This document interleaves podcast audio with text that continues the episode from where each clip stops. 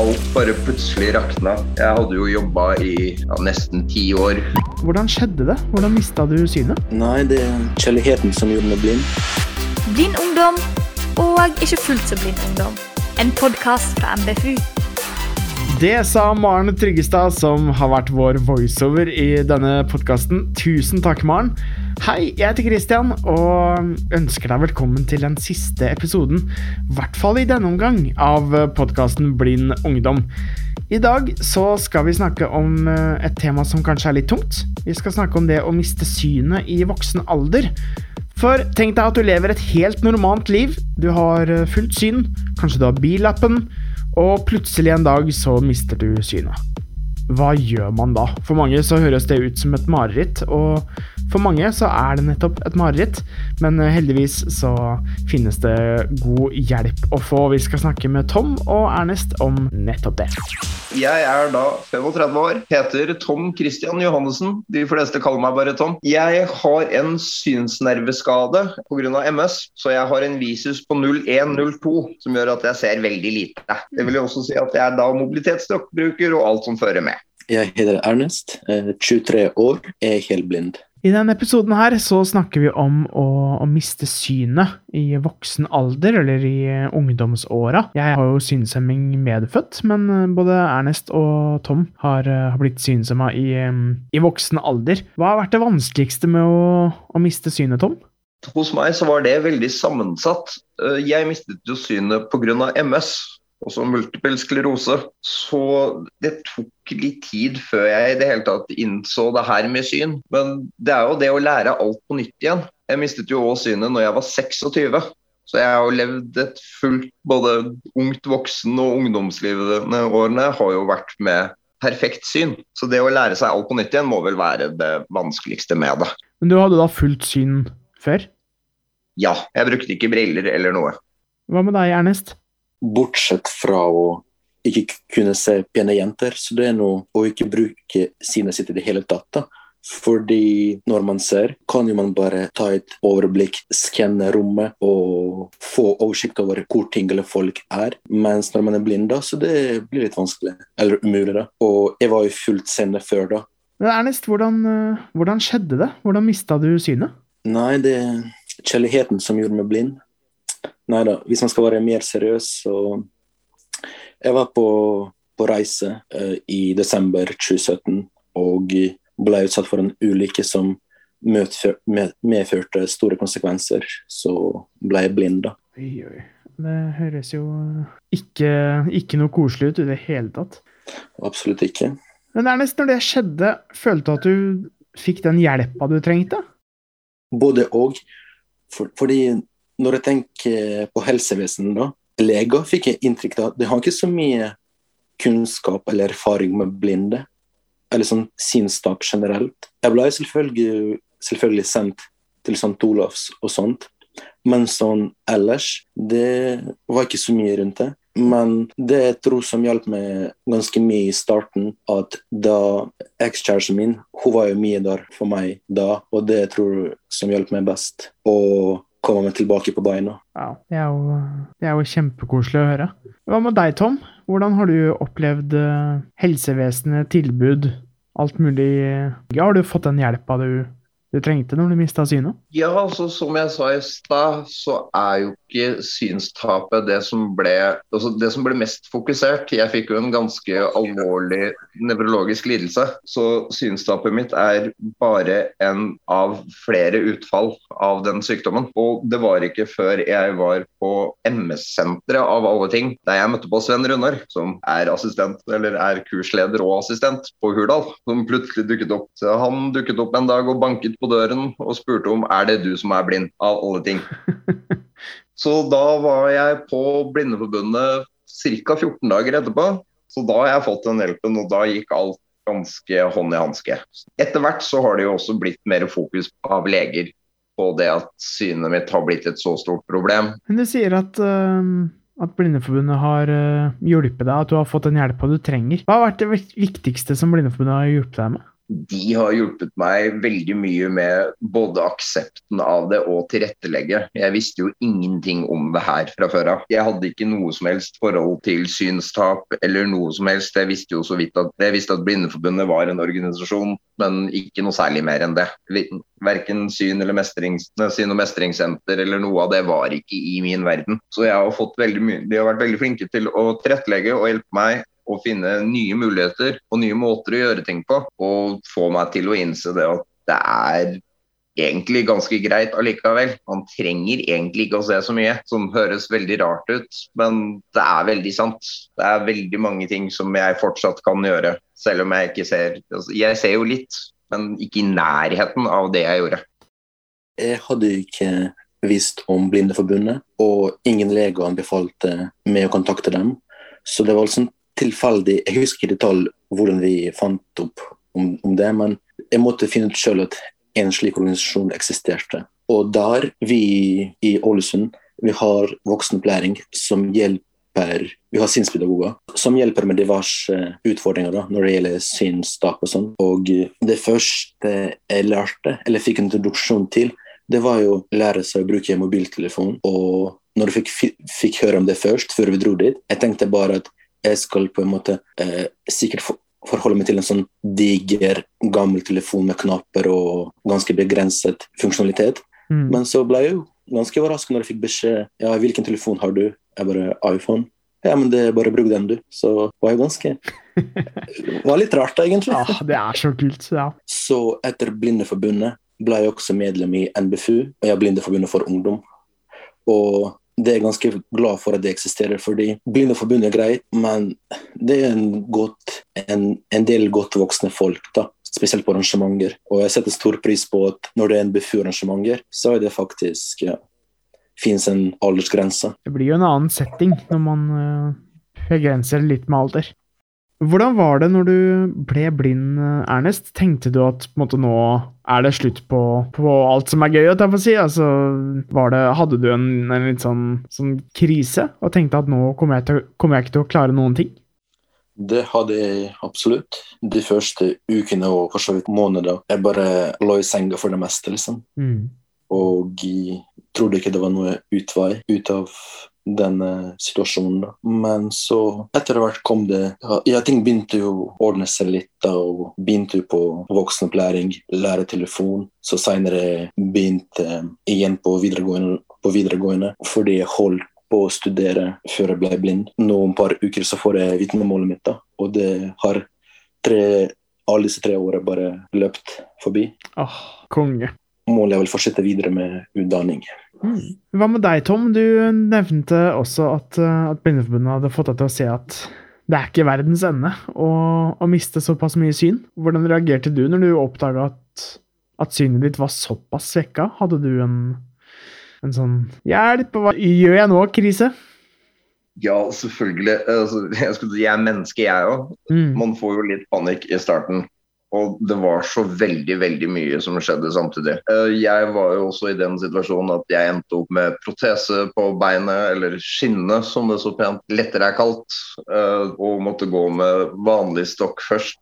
Så jeg bytta ut bare én stokk med en annen. Men at alt bare plutselig rakna. Jeg hadde jo jobba i ja, nesten ti år før det her skjedde, så jeg måtte jo slutte i jobben, og alt ble litt vanskeligere. Jeg jobba jo i organisasjon fra før før av. Jeg var jo ungdomspolitiker i mange år og drev aktivt med det. Og jeg kjente at alt bare ble vanskelig. Ikke kunne lese sakpapirer lenger, ikke kunne jeg gjøre noe sånt. Jeg jobba i markedsføring på slutten. Så det var veldig mye som bare måtte stoppe, og det var ting jeg ikke kunne gjøre lenger. Og det å finne nye måter å gjøre ting på etter hvert når man har fått den tiden til å prosessere hva som faktisk har skjedd, og at man må finne en ny måte å løse problemer som før var så veldig lette, fikk jeg jo veldig mye hjelp til. Nå er jeg jo på vei tilbake på skolen selv, jeg også. I høst skal jeg gjøre ferdig de to fagene jeg mangler. Jeg gikk jo på skole jeg òg samtidig som jeg jobbet og mistet synet. Så nå skal jeg ta opp fagene, og så er det ergoterapi på NTNU som er målet.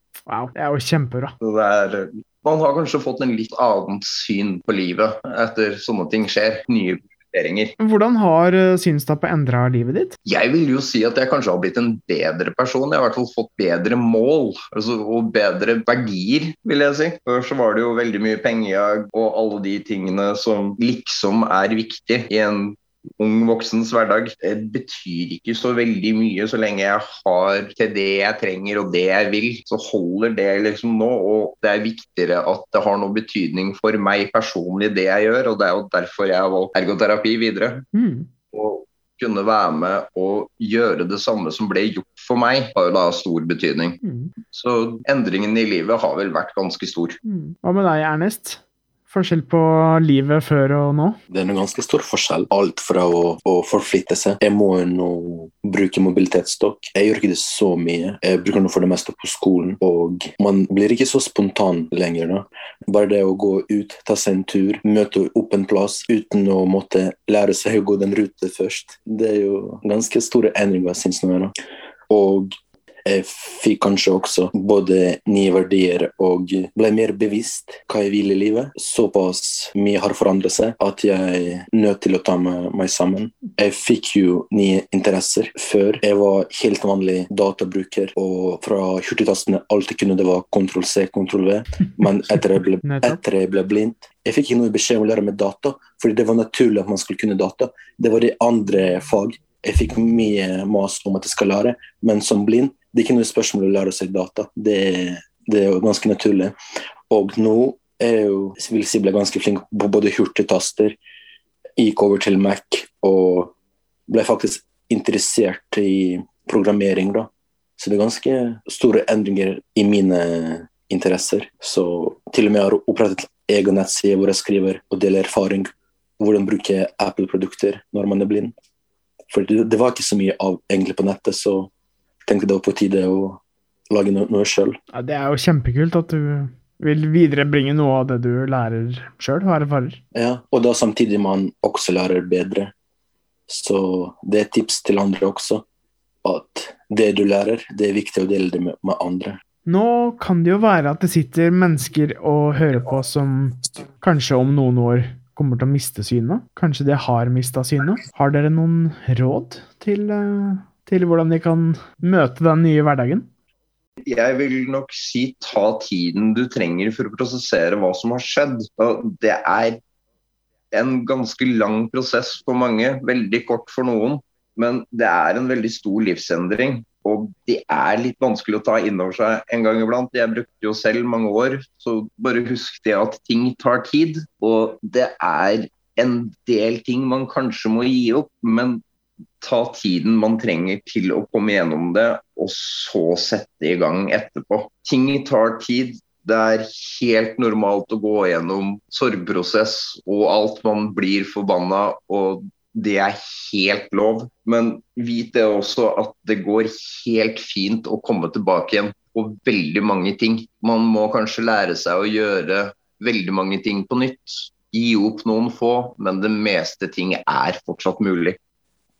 Hvis jeg har fått beskjed på forhånd, så kanskje hadde vurdert enten reise, eller hvis har ikke så mye mulighet, mulighet til å reise, kan man slå opp Google Maps og se gjennom hvordan forskjellige ting ser ut, og kanskje også bruke en god del tid på å se gjennom hvordan byen din ser ut. Så det kan være ganske greit for deg å vite ikke bare hvor ting ligger, hvis det er såpass stor by, men at uh, du har oversikt når folk sier 'ja, det ligger der og der', og du bare 'å ja, ja, det vet jeg'. Men hvordan har eh, venner og familie forholdt seg til at uh, dere plutselig har fått mye mindre syn enn det dere hadde? Når det kommer til familie, så tror jeg de hadde det vanskeligere enn meg selv. For det er jo fortsatt en del ting jeg kan gjøre, så de glemmer jo hele tiden at jeg ikke ser. De ber meg gjøre sånne teite ting som å se her, les det der, gå bort dit, og så peker de på et eller annet. Som er greit nok, jeg ser retningen, jeg har ingen anelse hva de peker på.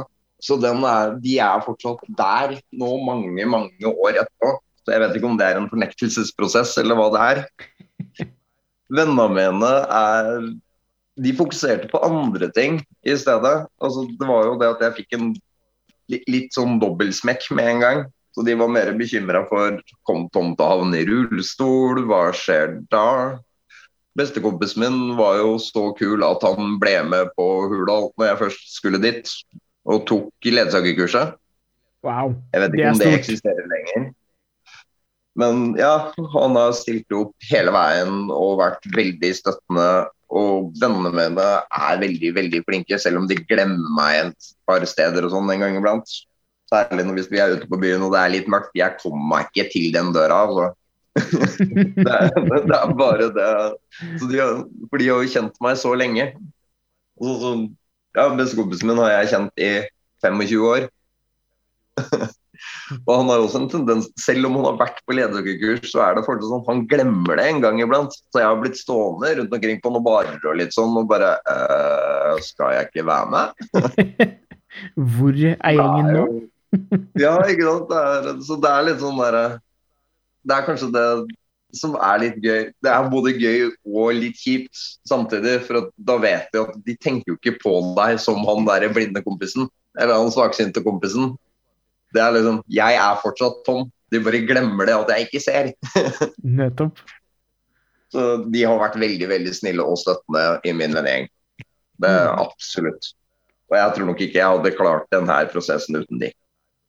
Hvordan er det for deg, Ernest? Hvordan har familie og venner takla at uh, plutselig så ser ikke Ernest noen ting? Familien tok det ganske tungt. De tok det verre enn meg, tror jeg.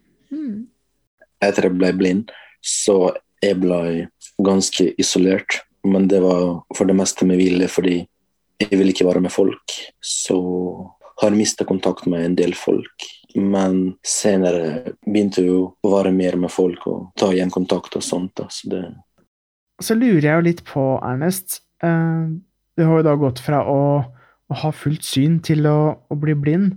Tenker du at det er en styrke å ha sett litt, og ha et forhold til farger og et forhold til visuelle, eller skulle du ønske at du var født blind og slapp å gå gjennom den, den forandringa du måtte, da?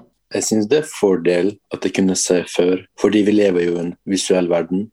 Og bare å ha peiling på hva slags farge det er, hvordan ting ser ut, at du blir mye mer inkludert. da. Fordi jeg føler, sånn som blind, når du på en nytt sted, og du har ikke peiling på, på hvor du er. Men så, hvis jeg tenker meg om at man født blind, og man har det ikke bare på en plass, men hele livet er sånn uoversiktlig, eller at man ja, kan ikke referere noe til. Det blir ganske annen verden å forholde seg til, da. Mm. Hva tenker du om det, Tom?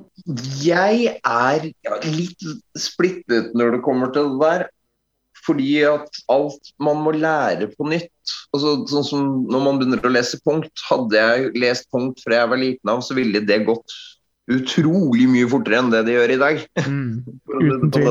Men jeg er også veldig glad for at jeg ser farger. Jeg har de definisjonene som hvis man er født blind, blir forklart på helt andre måter. Men det er vel et eller annet i det aspektet at man har sett er også en veldig styrke. Nå ser jo jeg fortsatt litt, så jeg ser jo sånne ting som farger og konturer i hvert fall. Men jeg tror jeg vil si at det er en styrke å ha sett. Bare på det, sånn som Ernest sier, at det å altså kjenne farger, kjenne de tingene mer enn annet enn at det er en ordbeskrivelse. Vi snakka i stad om Blindeforbundet og hva de har gjort for dere. Men eh, hva tror dere om eh, folks kunnskap om Blindeforbundet? Kan du begynne med Ernest? Ja, jeg tror mange tror at det for blinde, sikkert det står i ordet, Blindeforbundet, at folk tar det bokstavelig talt. Og det er for så vidt forståelig. Ei jente i klassen sa at hun begynte å se dårlig, og jeg spurte egentlig bare mer på kødd enn seri seriøst, da. Men bare ja, har du vurdert å ta kontakt med Blindeforbundet? Og jeg er jo helt blind, ikke sant? Men jeg tror jeg fikk sånn der hva faen-blikket fra henne. Fordi hun sikkert tenker at ja, og så ser du litt dårlig, men ikke blind, liksom. Så det Jeg tror ikke alle er klar over det. Det er ikke bare for blinde, da.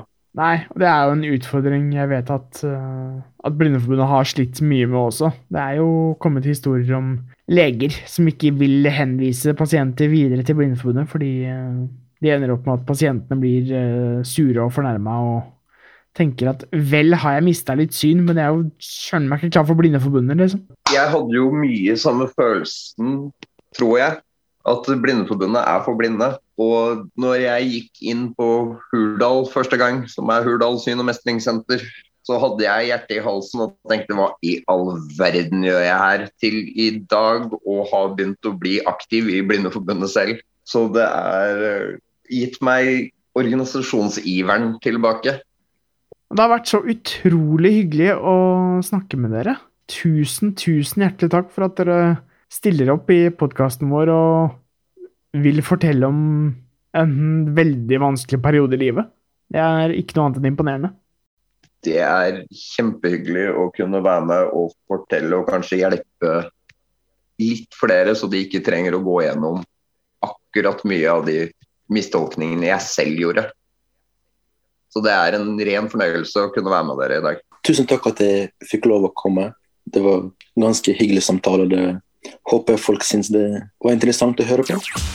Igjen, tusen takk til Tom og Ernest som var så snille å bruke tid på å snakke med oss, og ikke minst åpne seg om en eh, fase i livet som virkelig ikke kan være lett. Det er eh, stor respekt. Og siden det er aller siste episode av Blind ungdom, i hvert fall for denne gangen, så er vi samla, hele prosjektgruppa her. Både Silje, Trond Martin og Christian. Hei, dere. Hallo. Hvordan har det vært å lage podkast? Helt forferdelig. Nei da. Det har vært veldig gøy. Jeg har trivdes, og syns vi har, om jeg får si det sjøl, laget en veldig god podkast i ti episoder. Hashtag sn snikskryt. Jeg gikk under det prosjektet her og kunne ingenting om podkast. Helt ærlig, jeg hadde ikke hørt en eneste podkast før. Jeg har lært så mye. Det har vært kjempegøy. Jeg er veldig fornøyd med alle de fine samtalene vi har hatt. Altså, Så utrolig mye bra folk som er i NBFU. Ja, jeg ble kjent med folk på en helt ny måte. Samme her. Så skylder vi vel å gi en stor takk til LNU, som har vært med på å gjøre det her mulig for oss. Ja, absolutt. Det har ikke blitt så mye podkast uten deres penger, som nå er våre penger. Så det setter vi veldig stor pris på. Vi digger dere, LNU, hvis du hører på. Dere hører på. Er det en person? Litt sellout. Og så vil jeg jo si takk til alle dere som har hørt på. da. Det setter jeg jo stor pris på at eh, folk faktisk eh, setter pris på, håper vi, da, dette her, og hører på episodene vi har laget. Var det noe mer? Nei, nei, nei. OK, ha det. Ha det. Ha det. Du har hørt Blind ungdom, en podkast produsert av Norges Blindeforbunds Ungdom med støtte fra LNU.